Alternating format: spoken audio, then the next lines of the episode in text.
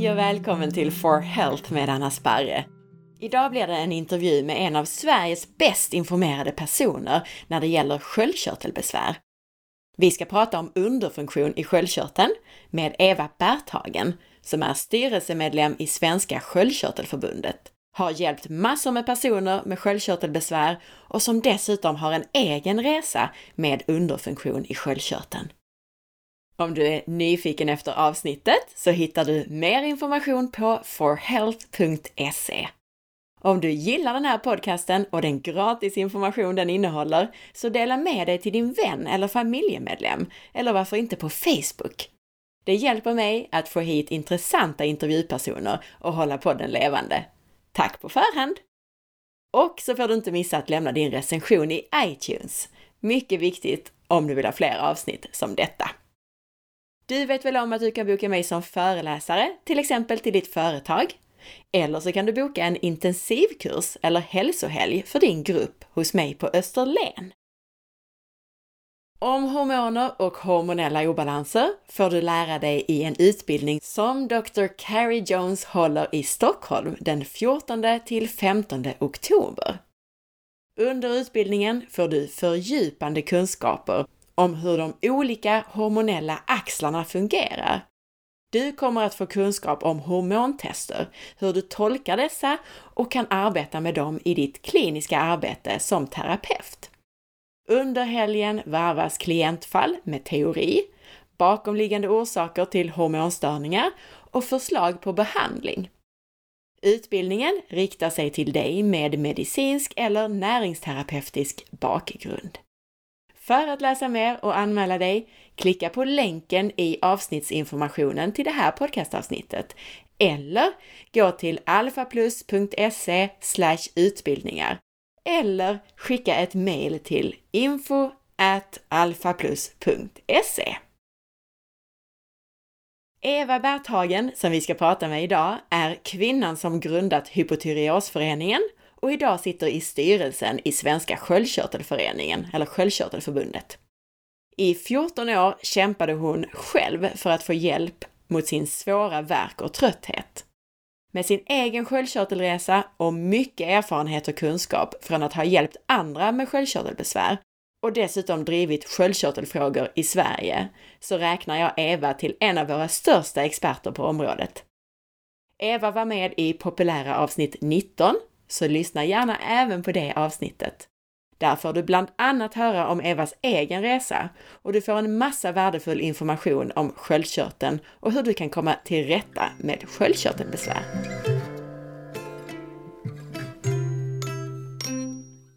Jag påminner om att sköldkörteln är en hormonproducerande körtel som sitter på framsidan av halsen Sköldkörtelns hormoner styr framför allt vår ämnesomsättning och därmed vår energinivå. Därför så har den en så oerhört stor effekt på hur vi mår. Två av sköldkörtelns hormoner kallas för T4 och T3, där T3 är en mer aktiv form av hormon och som kommunicerar till cellerna vilken fart de ska gå på. TSH är ett hormon som hjärnan skickar till sköldkörteln för att stimulera sköldkörtelns produktion av sina hormoner. Eva nämner ett par gånger i intervjun att TSH inte behöver avspegla hur man mår. Hon nämner till exempel att man kan få väldigt låga TSH-nivåer med lagom medicinering. TSH är inte ett jättebra mått. Det är ett indirekt mått. Detta är ju hjärnans signal till sköldkörteln, inte själva sköldkörteln i sig, eller vad som händer med sköldkörtelhormonerna i kroppens celler. TSH kan vara lågt eftersom hjärnan är väldigt känslig för hormonnivåerna. Det behöver inte avspegla hormonaktiviteten i cellerna. Jag hörde en funktionsmedicinare jämföra mätning av TSH med att mäta utomhustemperaturen på asfalten. Det vill säga, vissa dagar stämmer det. Du kan känna hur varmt det är ute genom att lägga handen på trottoaren. Men skiner solen på en svart trottoar så är den känsligare än lufttemperaturen och blir mycket varmare. Binjurarna är någonting annat som styr vår energinivå genom att bland annat utsöndra stresshormoner som kortisol. Men mer om både binjurar och sköldkörteln kan du lyssna kring i tidigare avsnitt, bland annat avsnitt 4, 91, 94 och 111. Och så 19 då såklart med Eva. Nu kör vi! Jätteroligt att du är med igen Eva och välkommen tillbaka! Tack så mycket för att du vill prata med mig igen. Ja, såklart! Vi gjorde ju ett avsnitt för hela två och ett halvt år sedan, avsnitt 19. Du berättade ju om din egen resa i det avsnittet. Hur har det gått sedan dess? Är du symptomfri från din hypotyreos idag? Ja och nej. Ehm, jag kan ju jobba och jag jobbar heltid och det hade jag aldrig kunnat göra utan min medicin. Så på, på så vis så mår jag ju bra. Men jag har haft en incident med mitt hjärta för en två år sedan. Och eh, den menar ju läkarna hänger samman med min medicinering och där har vi helt olika synpunkter. Men jag skulle säga så här att det här är en lärprocess för mig och har varit under alla de åren jag har hållit på med det här. Så att jag ser det här som ytterligare en lära, någonting som måste på ett tydligare sätt tala om för mig när en behandling även kan påverka hjärtat utan att man får några varningsklockor.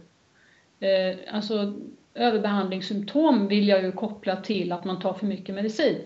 Men eh, det, finns, det fanns alltså inga sådana signaler alls när jag fick hjärtsvikt och faktiskt eh, flimmer och hjärtsvikt då.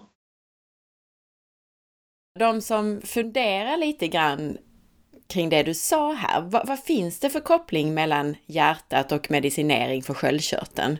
Jag tror inte alla är medvetna om det. Ja, läkare menar ju att eh, hjärtat också mår bäst om man ligger inom det referensintervall som finns för TSH.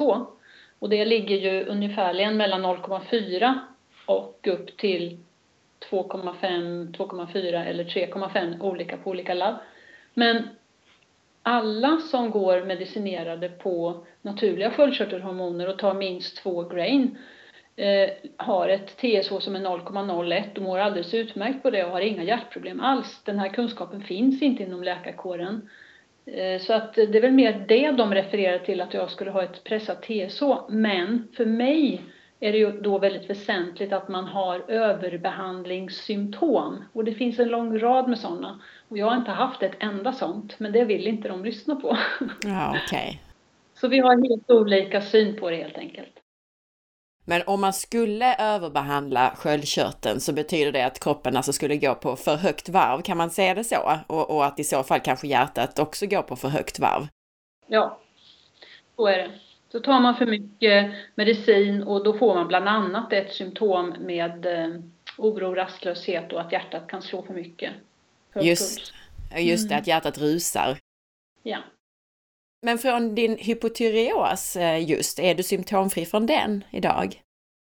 Nu kan inte jag ta riktigt så mycket medicin som jag behöver för att må riktigt bra, så att jag mår 80 skulle jag säga.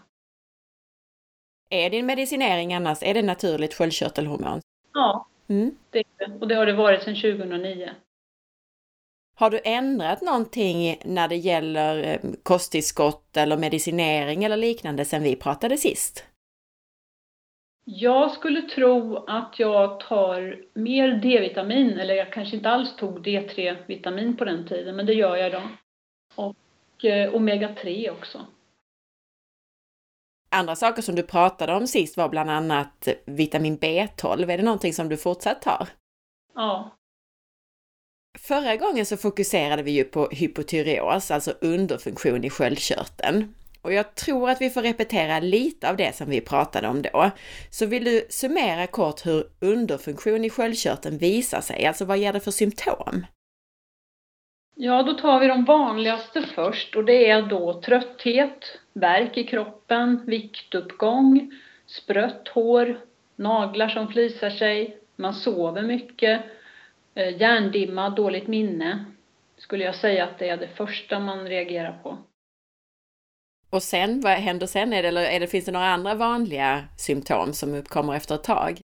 Ja, det finns ju en lång, lång, lång rad och Karin Münsterhjelm i Finland hon skulle säga att hon observerade 200 symptom.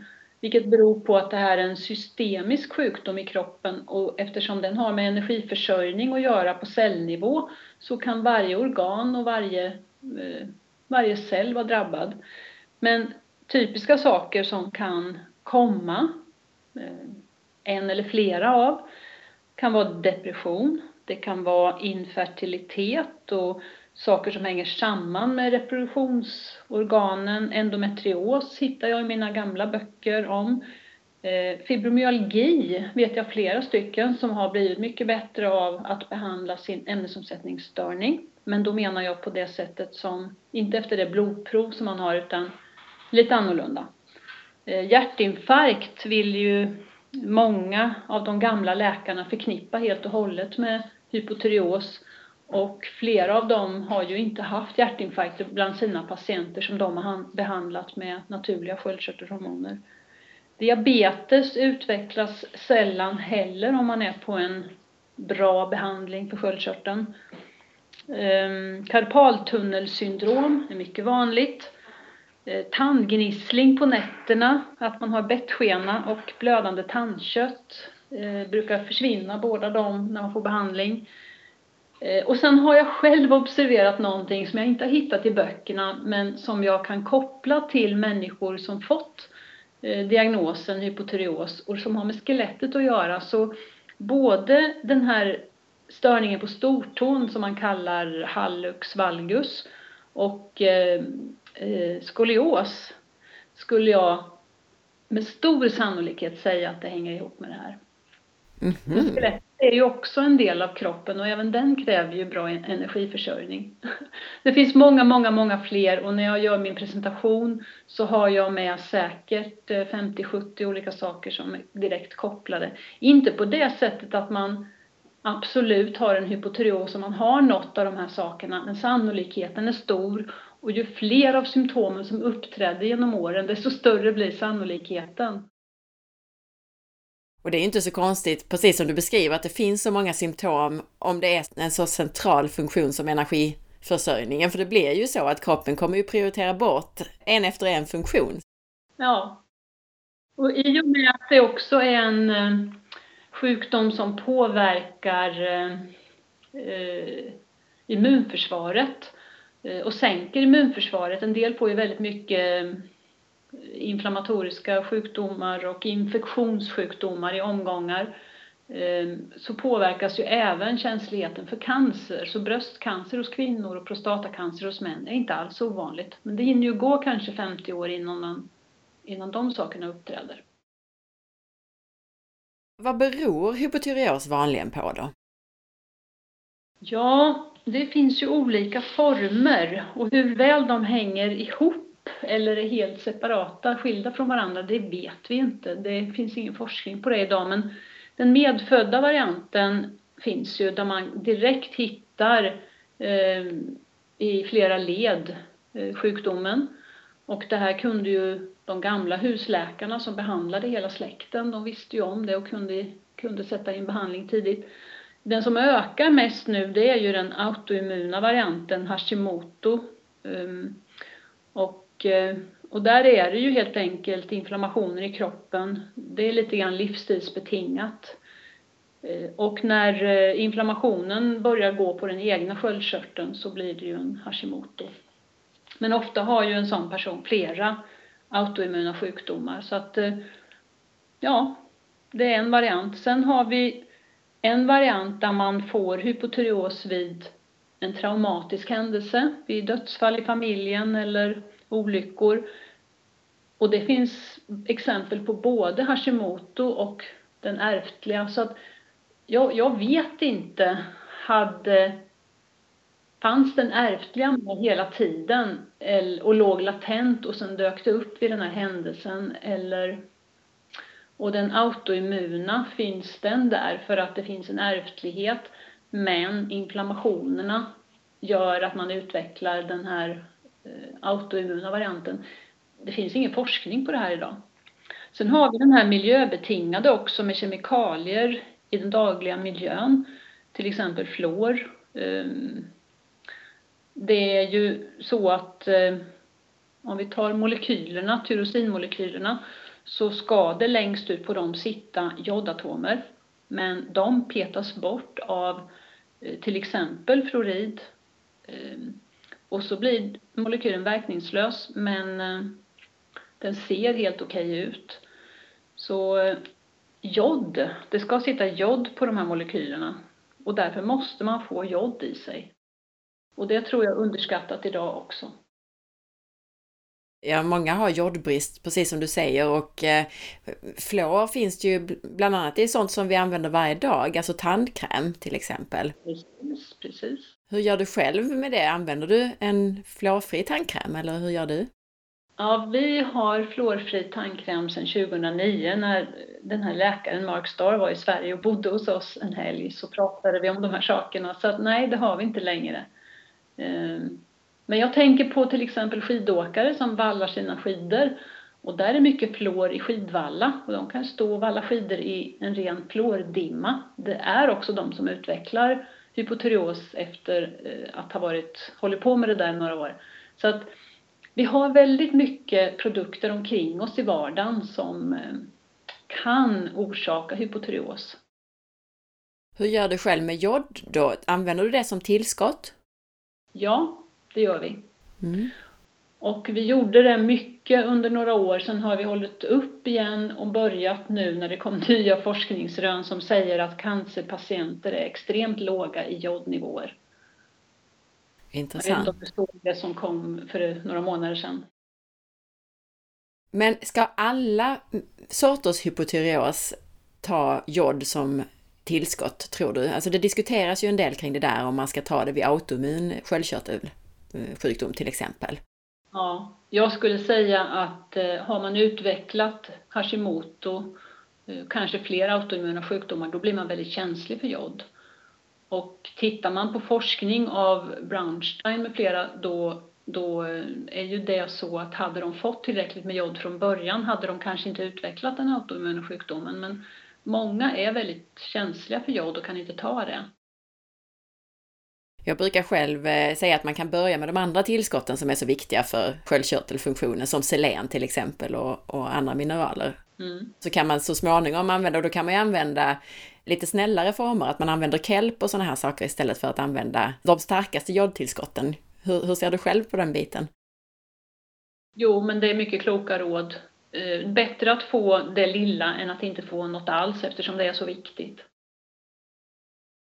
Hur stor andel har autoimmun sköldkörtelsjukdom? Alltså hur många är det som har Hashimoto och i hur många fall beror det på andra orsaker? Det vet inte jag. Det finns inte forskning på det som jag känner till.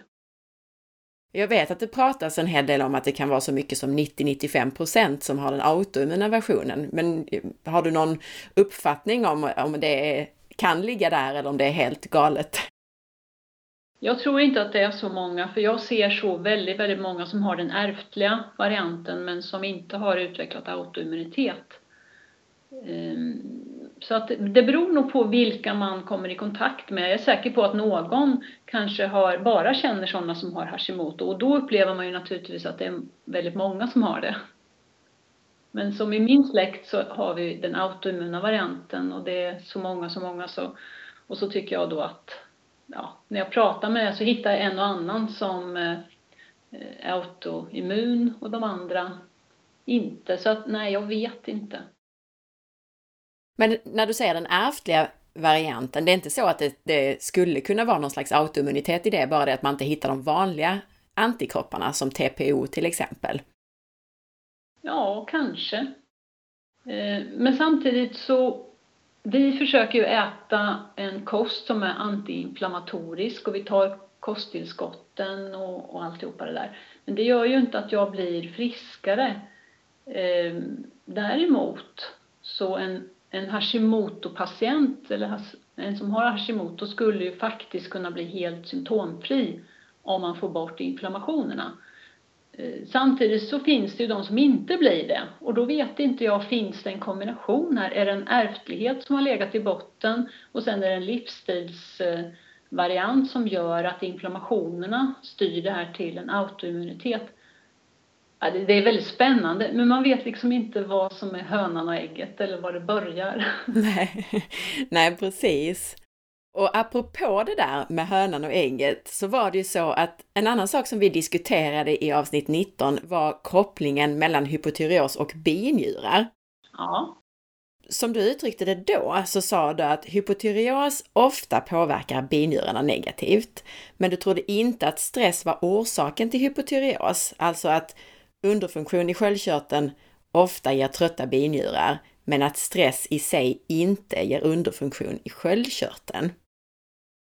Min egen uppfattning efter att ha arbetat med många klienter är lite omvänd, alltså att i många fall där hypotyreosen inte beror på autoimmunitet eller ärftlighet som du beskriver, så, eh, så startar det ofta med stress i någon form som i sin tur leder till en underfunktion i sköldkörteln. Och jag vill gärna höra din uppfattning här. Alltså har din uppfattning ändrats någonting sedan vi pratade sist? Alltså vad är hönan och vad är ägget i det här när det gäller stress och binjurar och sköldkörteln?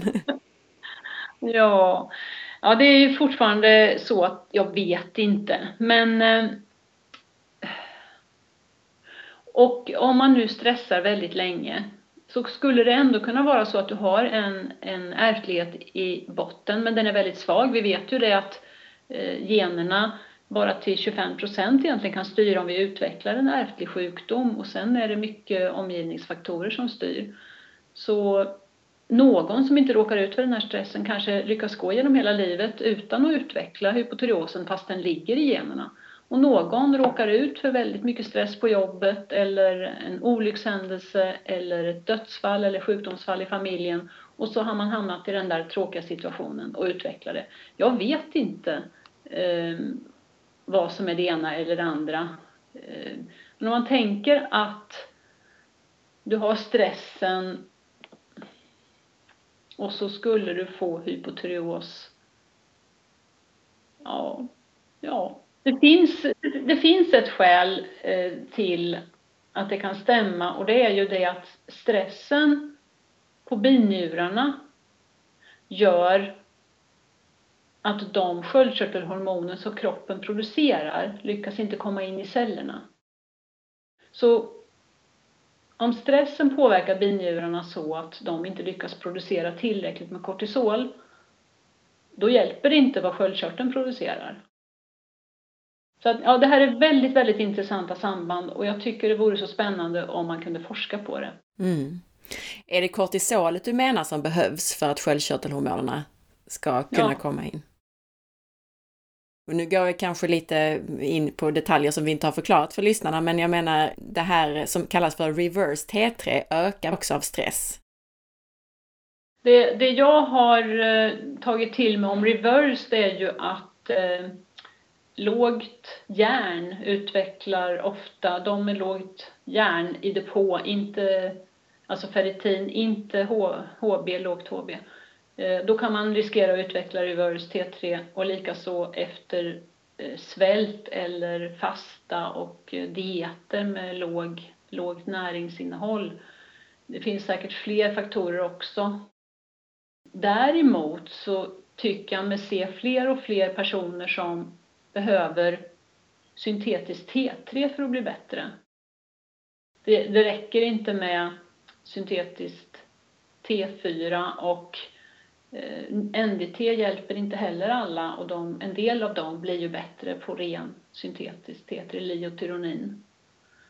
Och eh, jag pratade med min dotter tidigare idag och frågade om jag fick använda henne eh, när vi pratades vid och det fick jag. Hon har, så jag har en person i familjen då som har utvecklat reverse T3 och hon har haft lågt järn Ehm, och då har vi fått göra en, den här specialbehandlingen på henne med jättehöga doser T3 tills hon har blivit känslig igen, tills de reversed har försvunnit. Ehm, och då har ju hennes ämnesomsättning fungerat hyfsat normalt igen. Men sen kom ju den här väldigt, väldigt tråkiga hösten förra året när Takedas eh, produkt, Liotyronin, inte var särskilt verkningsfull för en del Eh, vilket de aldrig gick ut och berättade för eh, patienterna. Och då utvecklade hon på nytt reverse T3 och var väldigt ledsen för det eftersom hon gjorde sitt sista år på Chalmers på deras entreprenörsskola och streamar också många timmar i veckan. Eh, och hennes pojkvän undrade varför hon plötsligt behövde sova 11 timmar per dygn igen och själv fattade hon inte riktigt att hon blev sämre. Eh, så att ja, det är väldigt många som har blivit lidande på att medicinen inte var verkningsfull. Ehm, och sen när det kom ut då i nyheterna så förstod vi ju varför hon hade blivit sämre och det var väldigt tråkigt. Så nu har hon varit inne i en ny sån här clearing phase där hon måste få bort de här reversed eh, molekylerna igen. Nu ska jag bara förtydliga för lyssnarna, du får säga emot mig om jag har fel, men Leo eller Liotyronin, det är det här eh, läkemedlet där man tar alltså T3 som ett läkemedel. Ja. När du sa NDT så är det naturligt sköldkörtelhormon. Mm, det stämmer. Men har man då reverse T3-problemet, då omvandlar man av T4-molekylerna så gör man inaktiva reversed T3-molekyler som stoppar hela ämnesomsättningen. Eh, och det är inte något roligt tillstånd. Nej. Precis, och det du sa nu var jättebra att du förklarade, det är ju alltså att om man då skulle ta Levaxin till exempel, alltså att man tar medicin i form av T4, lagringsformen, så kan den omvandlas till reverse T3 mm. som har lite omvänd effekt då som det aktiva T3-hormonet. Just det. Och det här vet inte ens tillverkaren av syntetiskt T3 om. Jag, jag pratade om det och de ville gärna ha mer information och då kändes det lite konstigt faktiskt. Man blir lite skrämd när man hör sådana saker. Ja, ja. Hypotyreos typ 2 var någonting som vi pratade om sist, som ett begrepp på den hypotyreos som inte vården kan diagnostisera. Men jag ja. vet att du har valt att inte använda det som begrepp längre och kan du förklara varför? Nej, jag tycker inte att det tillför så mycket egentligen. Utan det väsentliga är att fokusera på att blodproverna som finns idag är inte tillräckliga för att ställa diagnos eller behandla. Ehm, och vi vet egentligen inte mer än vad som cirkulerar runt i blodbanorna. Vi har ingen, ingen aning om vad som händer inne i cellerna med de hormoner som går att mäta upp i blodet. Och det räcker med att konstatera det och sen måste man titta på varje individ och se hur de mår och vad de har för symptom och hur man kan hjälpa. Så även om man har då en blodpanel med normalt TSH, normalt T4, normalt T3 och så vidare, så kan man ofta ha symptom på underfunktion i sköldkörteln. Ja. Och då kan det vara någonting som, eh, ja, de där hormonerna ska ju också fästa på cellerna och i cellernas receptorer och sen ska cellerna utföra vad de är gjorda för att utföra. Är det någonting där som kan gå fel? Helt rätt. Många saker som kan gå fel där men som vi inte kan mäta. Generellt, vad har du för nya lärdomar och erfarenheter sen vi pratade sist? Är det några frågor där du har ändrat uppfattning till exempel? Ja, dels det här med reverse T3 då har jag lärt mig mer om. En annan sak som eh, jag har reagerat på är att Ganska många har blivit erbjudna SSRI-preparat, medel mot antidepressivitet, av läkarna. Ibland både en och två olika preparat. Och jag har sett nu exempel på att det är svårt att få de personerna att kunna ta så mycket sköldkörtelhormon som behövs för att de ska bli symptomfria, oavsett vilken form. Eh, så det handlar både om att fasa ut och det måste man göra på ett mycket, mycket, mycket försiktigt sätt och vänta och vänta. Och nu har vi läst på i eh, Paul Robinsons bok Recovering with T3 och han skriver ju om det här problemet.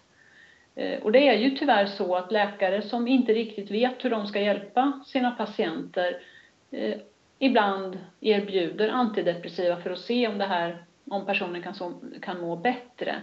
Men det får alltså väldigt negativa konsekvenser, åtminstone för en del, i att tolerera T3. Mm.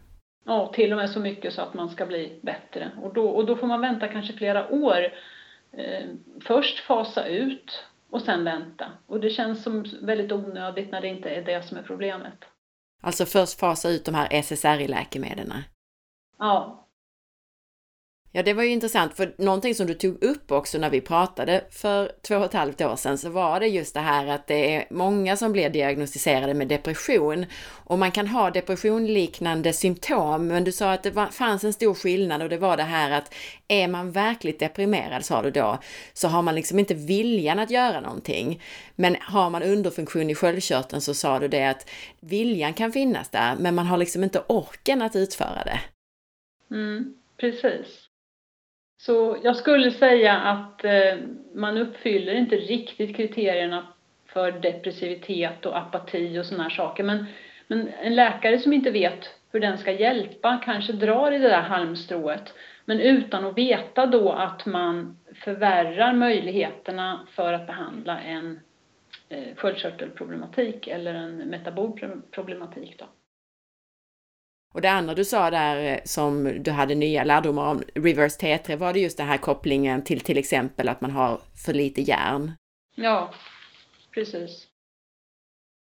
Var det någonting annat där som har dykt upp på kartan sen vi pratade sist? Vi har en ganska färsk undersökning på NetDoktor eh, och eh, den har besvarats av 4 000 patienter som är behandlade med Levaxin det är ytterst få av dem som har blivit symptomfria. Eh, och det är väl någonting som jag har slagit mig, 5. Alltså jag tänker ändå att många blir hjälpta av den medicinen för det är trots allt många, många fler än, eh, eh än de vården hittar och behandlar som har sjukdom.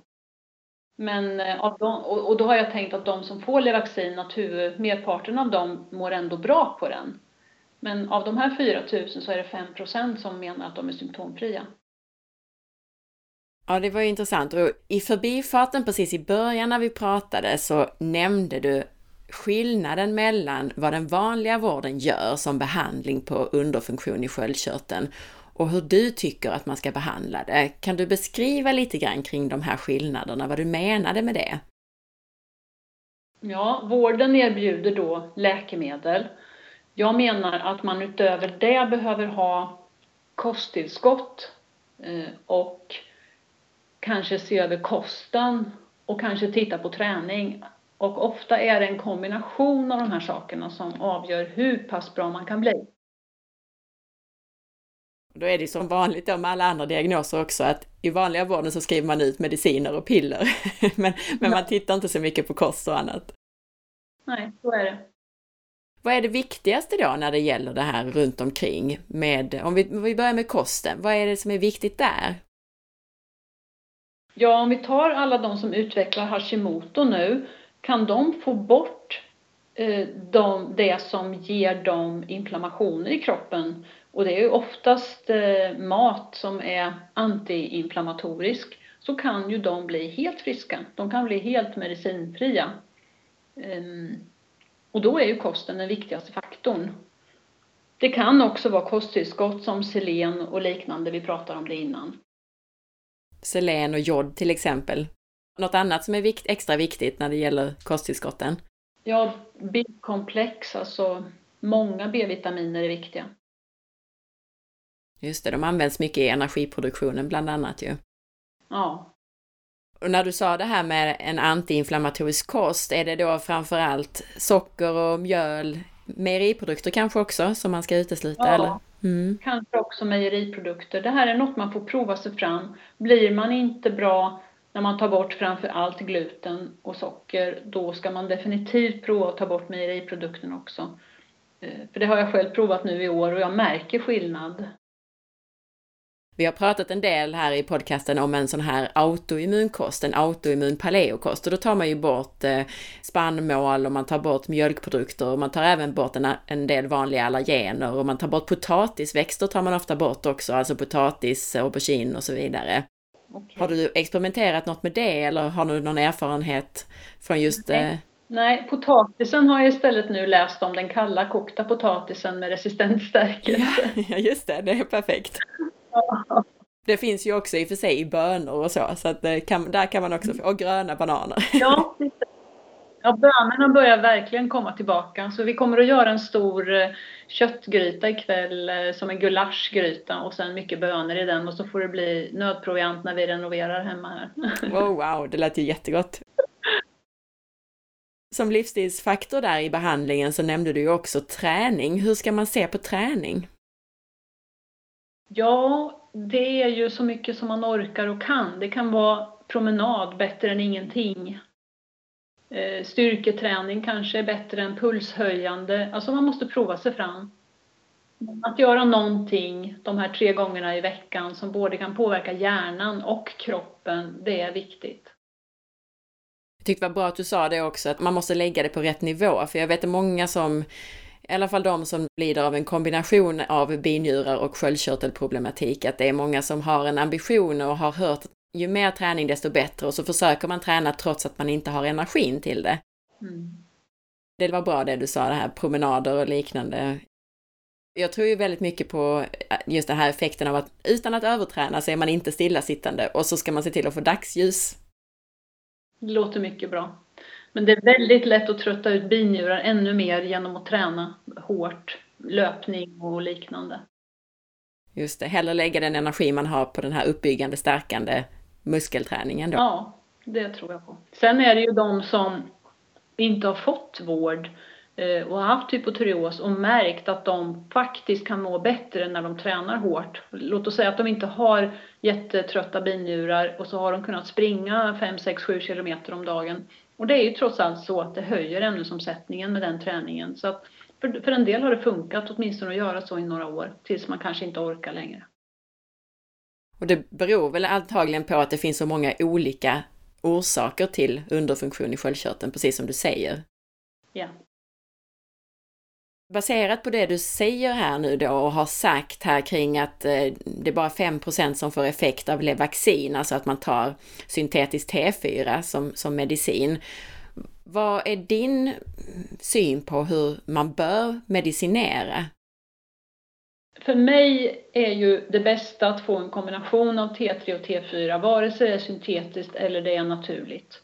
Eh, många som utvecklat autoimmunitet och har Hashimoto mår inte så bra på naturliga hormoner, de mår bättre på syntetiska. Men det är aldrig lika för alla, så att man får pröva sig fram helt enkelt.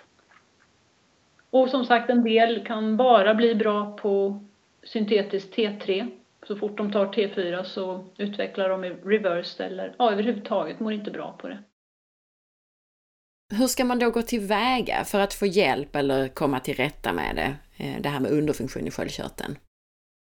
Ja, det är ju inte jättelätt.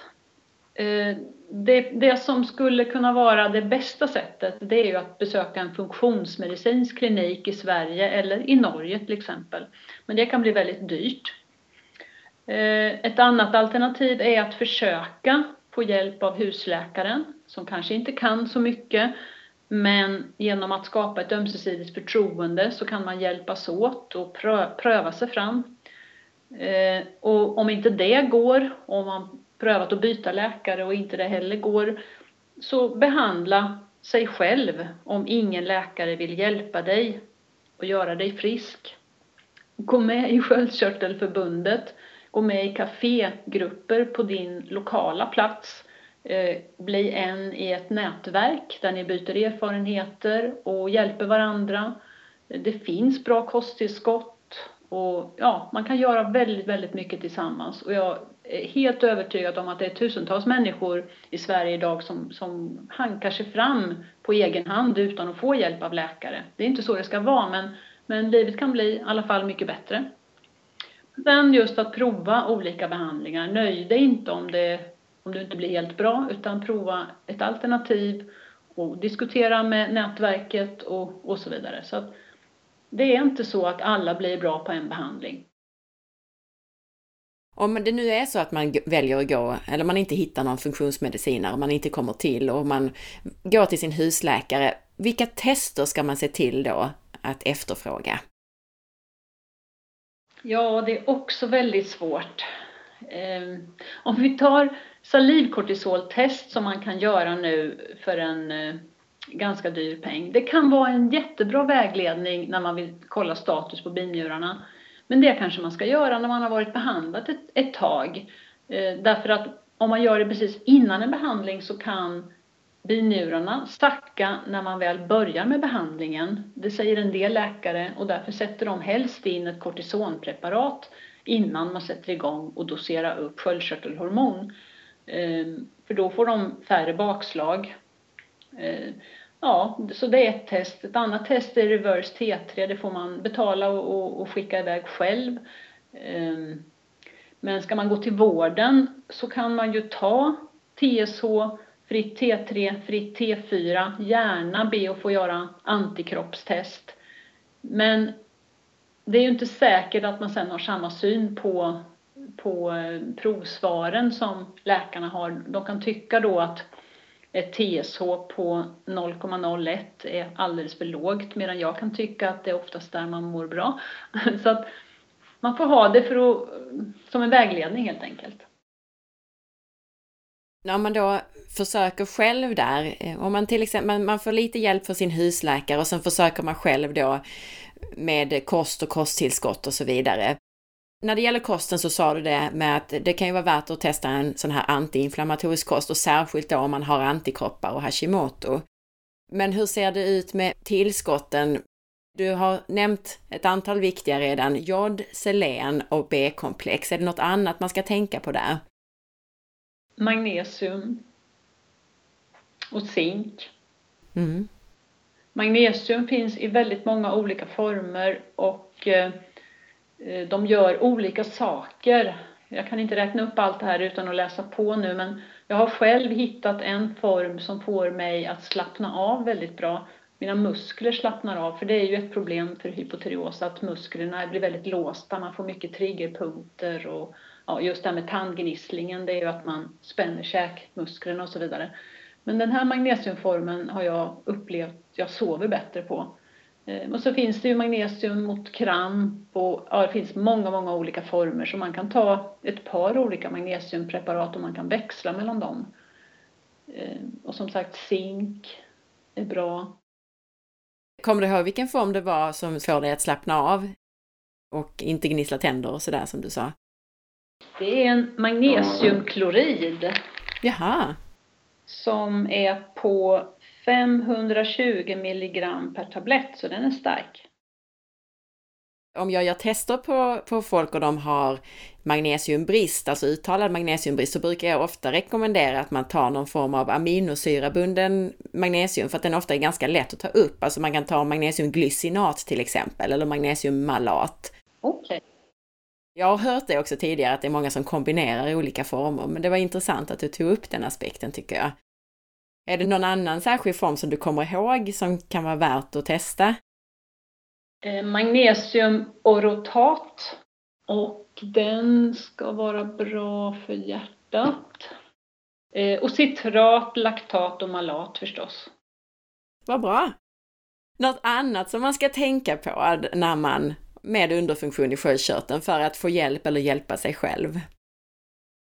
Jag tror att kosten är det viktigaste där. Det, det har så stor betydelse för tarmen och när tarmen börjar läcka och det kommer ut ämnen i kroppen, då kan vad som helst börja hända. Och då menar du att man äter en kost som du sa då är antiinflammatorisk men också att, då, att man undviker saker som man kanske själv reagerar på. Det kan vara individuellt då gissar jag att du menar. Ja, det menar jag. Och det här skulle vara jättebra om man kunde hitta det enkelt, vad som sker. För att det är så långa processer, de tar så många år och att kunna se förändringen över tid är så svårt när det går långsamt. Eh, och särskilt då när vi blir äldre också så tänker vi att ja, men det här är nog naturligt för mig. Och det är först när man gör eh, dramatiska livsstilsförändringar som man kan upptäcka att man känner sig flera år yngre, orkar mer, sover mindre och ändå är piggare och så vidare. Vad är det viktigaste för dig med din kost? Det är nog att jag har tagit bort alla mjölprodukter vad äter du istället? Vad är det viktigaste att du, att du äter så att säga? Att du lägger till? Eh, vi äter mycket grönsaker. Vi försöker, försöker köpa så mycket ekologiskt odlat som möjligt.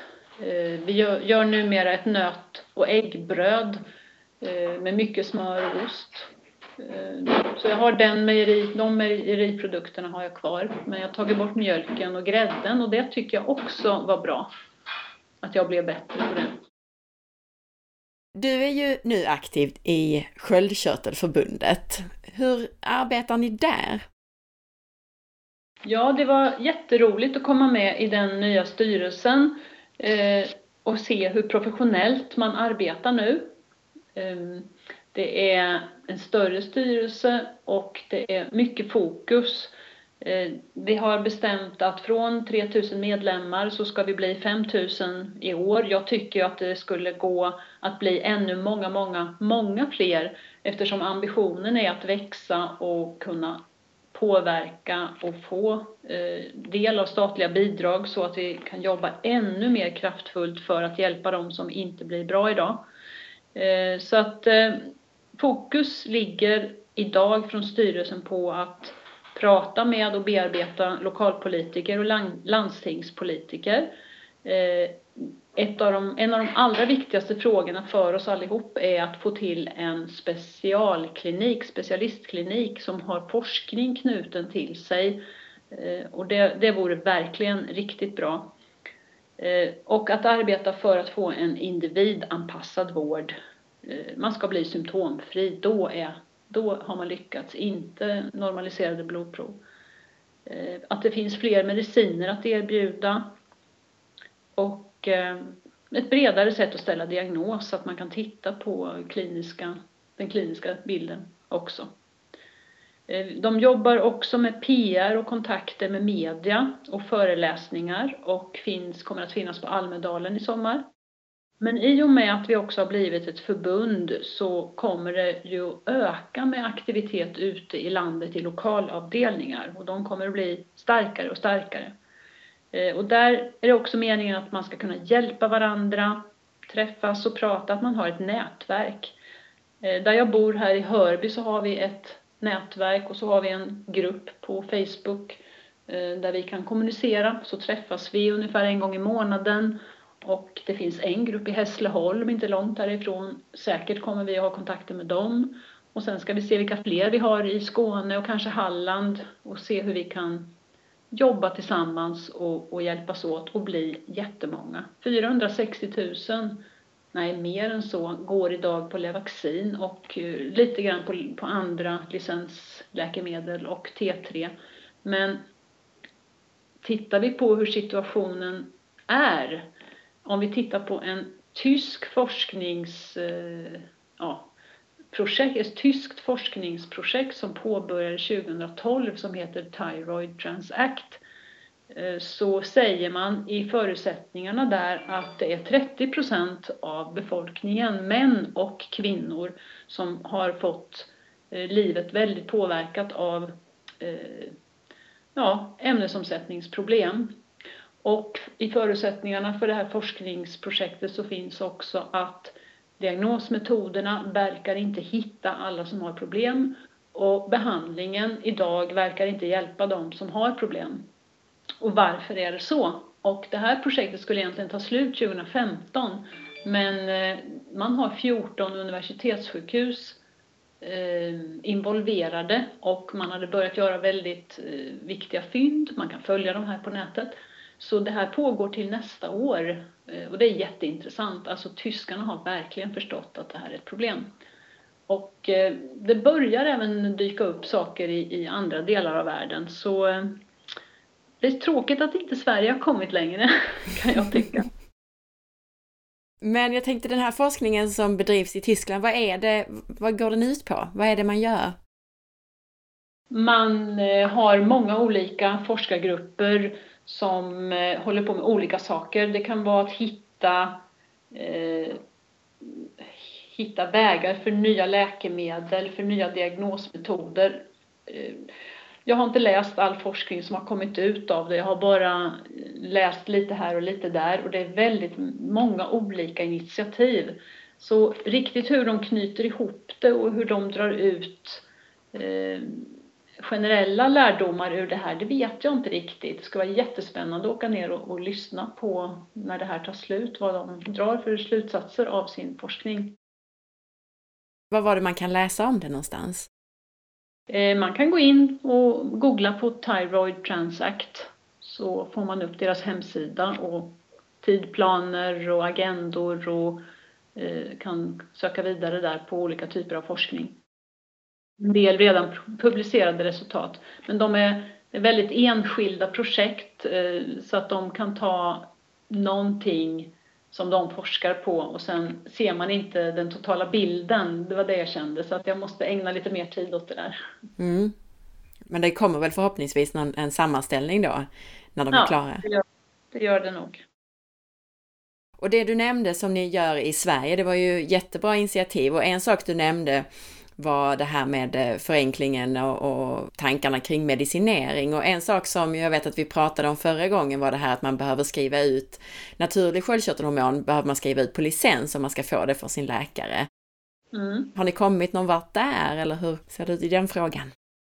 Det är fortfarande så. Eh, vad vi kommer att titta på det är om vi kan göra en förenklad procedur. Så det blir enklare för läkarna, enklare för Läkemedelsverket. Så att det inte, så att det inte tar emot för en läkare att, att ansöka om ett licenspreparat. Det är ju så att eh, det finns även licenspreparat för syntetiskt T3. Nu när en del inte har mått bra på liotyronin så börjar det eh, dyka upp eh, efterfrågan på andra preparat och ibland är de licensbelagda så läkarna behöver bli ja, vana vid att göra de här licensansökningarna. Vad bra.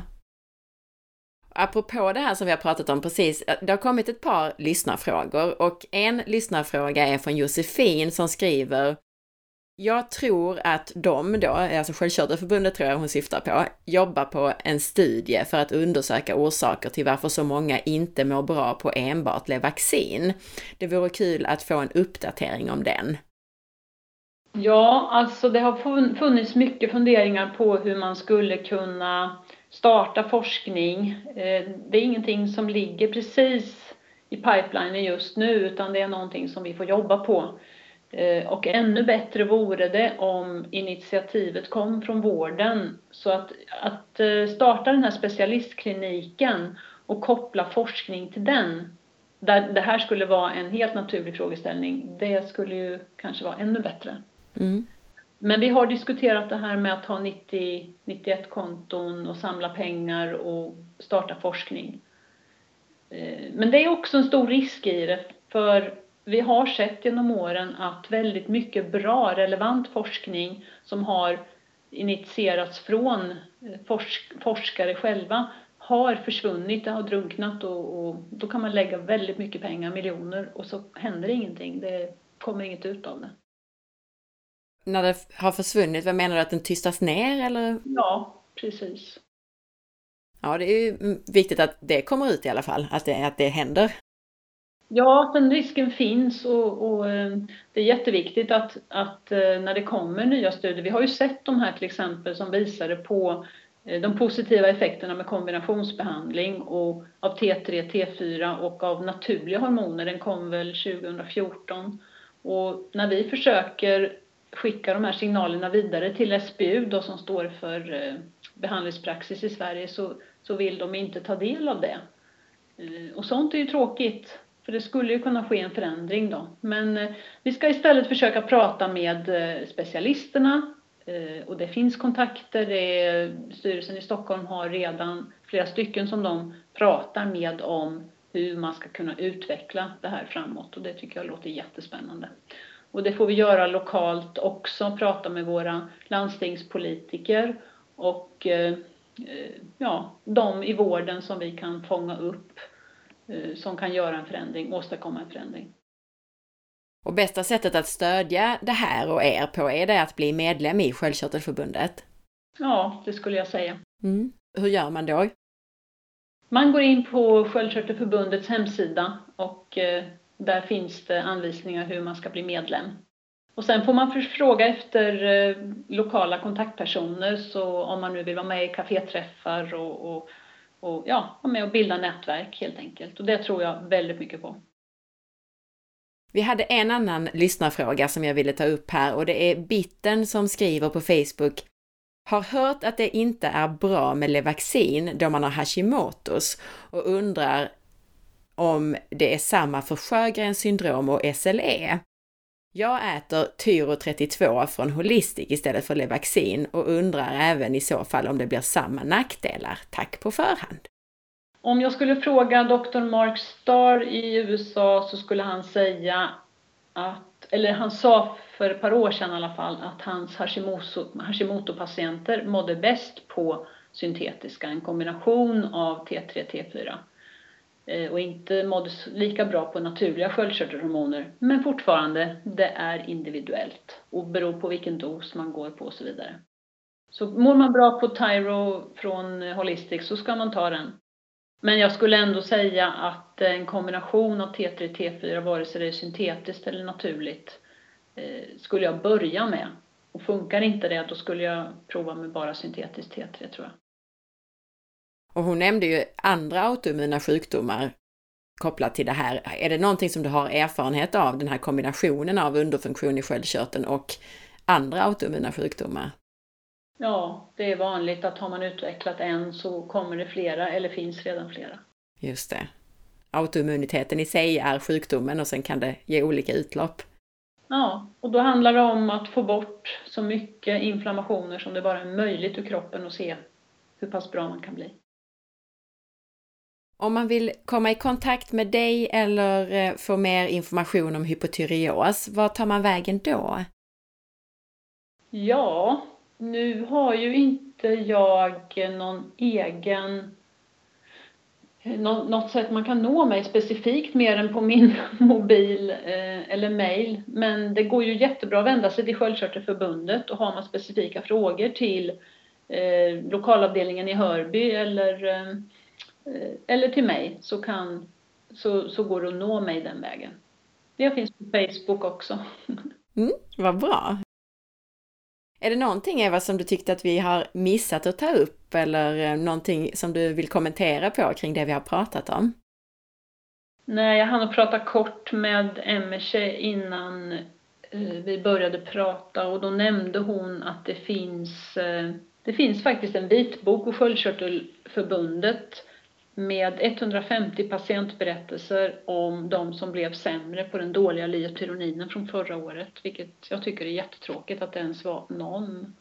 Eftersom vi har haft så mycket kontakt med läkare, med endokrinologer och med Läkemedelsverket under de här senaste åren. Och anledningen till att de inte vill att vi ska få naturliga sköldkörtelhormoner är att de säger att innehållet varierar från batch till batch vilket vi aldrig har märkt. Men nu vet vi att de syntetiska inte går riktigt att lita på. Vi vet att både T3 och T4 ibland inte innehåller det de ska. Så det argumentet har fallit på något sätt. De här berättelserna, kunde man hitta dem via er hemsida? Nej, vi har inte lagt ut dem, men de finns och vi kommer säkert att, att använda dem i olika sammanhang när det behövs. En annan sak som eh, jag har tänkt på och som vi pratar om i styrelsen det är att det är väldigt det har hänt väldigt lite för sköldkörtelpatienter under de senaste 40-50 åren. Och att de behandlingsmetoder vi har idag är operation och den går tillbaks till 1800-talet och eh, radiojodbehandlingar för att döda sköldkörteln, det är alltså sedan 40-50-talet. Läkemedlet är syntetiska som de allra flesta får erbjudande om. Det är alltså sedan 60 och 70-talen. Det, det borde hända mer. Och väldigt ofta finns det också en syn på att det här är en kvinnosjukdom. Men den tyska eh, stora eh, projektet här som jag berättade om, Thyroid Transact, de säger uttryckligen kvinnor och män. Och själv har jag ju två söner och en dotter och alla tre barnen har fått hypotyreos av mig. Tusen tack Eva för att du har tagit dig tid så här, en fredag dessutom. och att du har delat med dig av all din värdefulla kunskap. Ja då, det gör jag ju så gärna och jag hoppas mycket på det här samarbetet nu inom sköldkörtelförbund. Sköldkörtelförbundet. Jag tror verkligen vi kan göra saker med de personerna som finns här nu. Det ska bli jättespännande att se.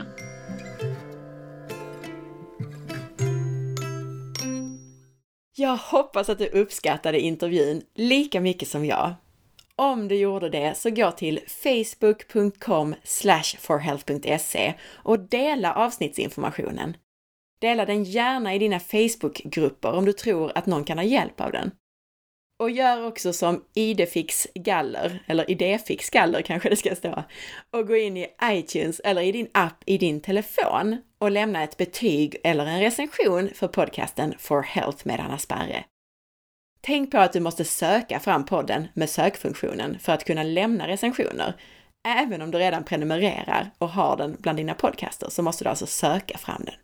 Och där kan du välja betyg och recensioner.